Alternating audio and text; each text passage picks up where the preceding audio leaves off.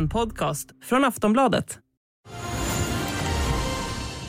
Nu är datum satt för den svenska frihetsdagen. Från onsdag den 9 februari så får salongerna fyllas och dansen pågå fram till morgontimmarna.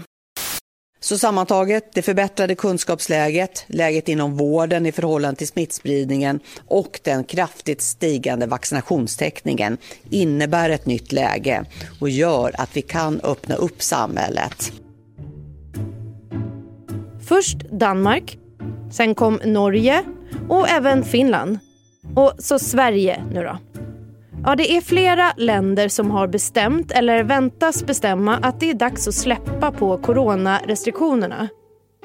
Det som ligger i vågskålen här det är samhällsfaran med en okontrollerad smitta och sen hur inskränkningarna faktiskt drabbar människors vardag och frihet. Som det har hintats om redan för ett tag sedan så kommer Sverige ta bort de flesta restriktioner på onsdag den 9 februari. Bland annat så försvinner taket för hur många som får gå på olika evenemang. Man behöver inte längre arbeta hemifrån om man kan. Och så blir det fritt fram att ha öppet länge för krogarna. Nu vill jag inte sabba stämningen totalt här, men vi är nog flera som tänker samma sak. Kan det här hålla den här gången? Vad har vägts in i det här beslutet att släppa lös svenskarna? Blev pressen för stor när andra länder öppnat? Och påverkar att valet i höst kommer allt närmare? Det här är ämnet för dagen i Sveriges största nyhetspodd Aftonbladet Daily. Jag heter Amanda Hemberg Lind. Lena Melin, Aftonbladets inrikespolitiska kommentator, gäst idag. Hej och välkommen. Tack så mycket. Det har blivit ett eh, gäng texter och kommentarer från dig under pandemin. Och nu kom beslutet om att öppna 9 februari. Vågar man fira nu då? Alltså jag blev först jätte, jätteglad och sen kom ju den här gnagande oron. Tänk, tänk om det inte blir så här. Tänk om det liksom skiter sig på slutet eller om ett tag. Det, man kan inte slå ifrån sig det för nu har, vi har ju liksom vant oss vid att okej, okay, nu, nu kan vi trappa ner restriktionerna lite grann och sen så kommer de tillbaka som en bumerang och slår en i huvudet.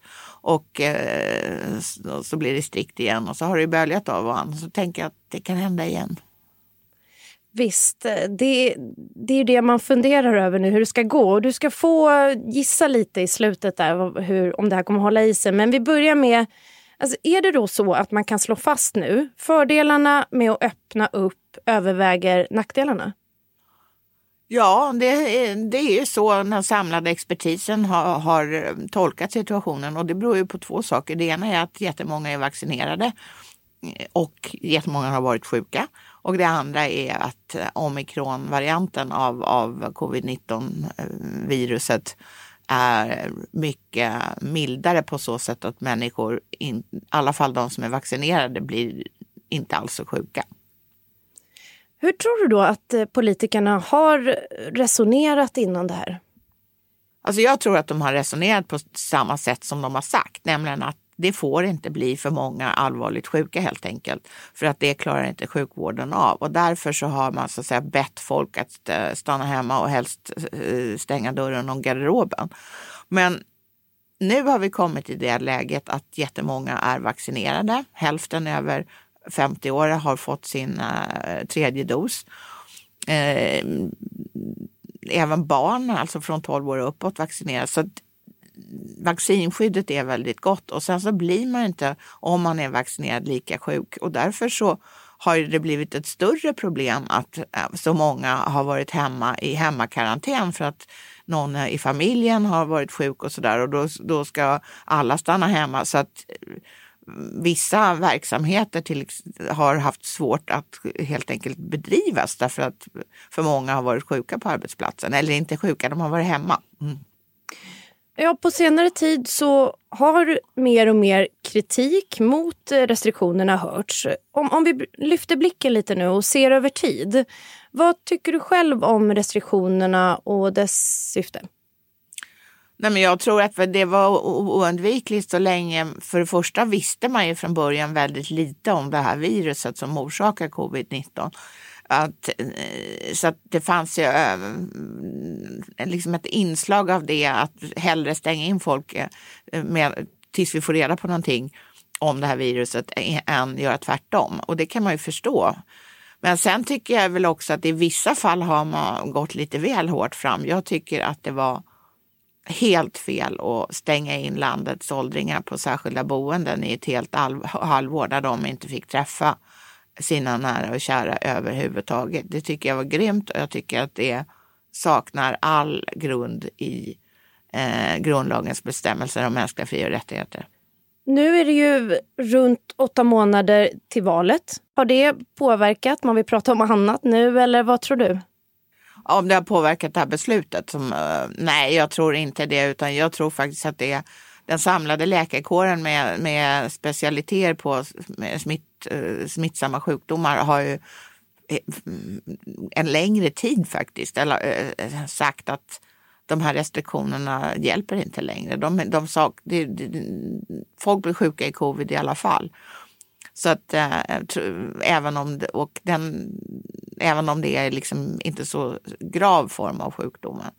Så att jag tror bara att det är för att nu blev sådana här andra delar av, av eh, restriktionerna som till exempel de här familje, att man, familjekarantän, att man ska vara hemma i fem dagar om någon i familjen har, varit, har blivit smittad. Så det blev kontraproduktivt därför att vården och eh, blåljusverksamheter och sånt där blev lidande därför folk var antingen sjuka själva eller också var de hemma för att någon i närheten var sjuk. Blir det en valfråga då, eller inte? Eh, jag tror inte att det blir en valfråga av två skäl. Eller kanske till och med tre. Eh, det första skälet är att vi vill bara lägga det här bakom oss. All, alltså man är ju så trött på den här pandemin så man har färdig att stupa. Och det andra skälet är att um, alltså den här politiska diskussionen, den brukar ju byta fokus ganska ofta och att det skulle vara fokus corona fram till valet, det har jag väldigt svårt att tro. Och det tredje är då att Coronakommissionens rapport som ändå ska sätta någon slags fokus på ansvarsfördelningen och peka på brister. Den, den kommer ju om några veckor och om den, den hur mycket dynamit den än innehåller så kommer det inte att räcka fram till valdagen. Du får gärna utveckla det om Coronakommissionen. För jag undrar, ja, det är ju en expertgrupp då som granskat covid-hanteringen ett tag nu. Och de kommer då som sagt med en slutrapport om några veckor. Vad väntas i rapporten och hur kan det påverka regeringen? Ja, alltså jag tror, vad det handlar om framför allt är ju såklart enskilda beslut som har fattats eh, under den här resans gång. Och då vet vi redan att Coronakommissionen i en tidigare delrapport har varit väldigt eh, kritisk mot både organiseringen av äldreomsorgen och, och, och, ansvarsfördelningen där och också det här beslutet om att, så, att, eh, så att säga, låsa in åldringarna på de här särskilda boendena. Men sen handlar det också om, om ansvarsfördelningen mellan, mellan stat och kommun i de fallen när det handlar om äldreomsorg och stat och regioner när det handlar om renodlad vård. Sen eh, kommer det också komma kritik så vitt jag förstår om det här att det tog så lång tid innan testningen, den storskaliga testningen kom igång i Sverige. Och det berodde ju på att, bland annat på att regionerna tyckte inte det verkar som om de skulle få betalt av staten i, tillräckligt hög grad. Alltså att det blev ett självkostnadspris för regionerna. Och när väl de frågetecknen var uträtade så, så satte det fart. Men det, det är klart att det, ja, den typen av brister, jag tror det kommer att komma en jättelång lista på det där. Och sen kan det säkert också handla om relationerna mellan regeringen och eh, Sveriges kommuner och regionen, SKR, som är liksom en intresseorganisation för kommuner och regioner men som i det här fallet har blivit som en motpart till regeringen när man har skrivit avtal med, med, med varandra. Men eh, du tror alltså inte att eh, det här eh, kommer att leva kvar den diskussionen? Eller? Om det här med ansvarsfördelning och så. Det, det tror jag absolut. För att där finns det ju vissa politiska Um, alltså det, som till exempel KD då driver med en fas att man ska förstatliga vården. Och det, eh, hon, Ebba Busch kommer säkert få mer bränsle för sin argumentering i, eller sin argumentation i Coronakommissionens rapport, det tror jag. Men ja, om vi plockar upp bollen om, om öppningen då, 9 februari, om man vågar fira och sådär. I höstas, ja då var det verkligen firande. Och så kom omikron och vi vet ju alla hur det gick. Så kommer öppningen att hålla i sig den här gången eller blir det bakslag igen? Vad tror du? Jag tror att osvuret är bäst. Den här, det här viruset har ju visat sig vara väldigt bra på att överraska. Det har tagit nya vändningar hela tiden och jag tror liksom man kan inte blåsa faran över. Pandemin pågår ju fortfarande och i stora delar av världen är det ju, inte, är det ju ganska låg andel av befolkningarna som, som är vaccinerade och det betyder att det finns grogrund för nya varianter av det här viruset och om det blir någon snäll sån här omikrongubbe eller någon eh, fuling, det vet man inte. Men får jag tolka dig som försiktigt positiv kanske? Jag håller ju tummarna för att det, är, att det här är liksom this is it. Nu, nu är det slut för den här gången. Får hoppas det. Tack så mycket Lena Melin, Aftonbladets inrikespolitiska kommentator. Du har lyssnat på Aftonbladet Daily med mig, Amanda Hemberg Lind. Och vill du höra mer från oss så får du gärna börja prenumerera. Vi kommer ut med nya avsnitt varje vardagsmorgon. Trevlig helg så länge, så hoppas jag att vi hörs igen på måndag. Du har lyssnat på en podcast från Aftonbladet. Ansvarig utgivare är Lena K Samuelsson.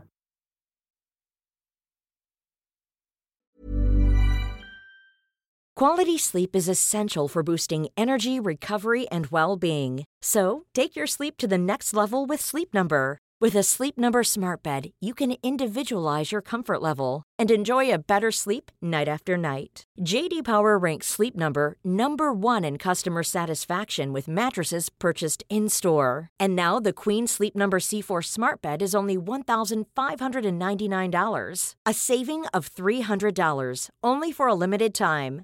For JD Power 2023 award information, visit jdpower.com/awards. Only at Sleep Number stores or sleepnumber.com.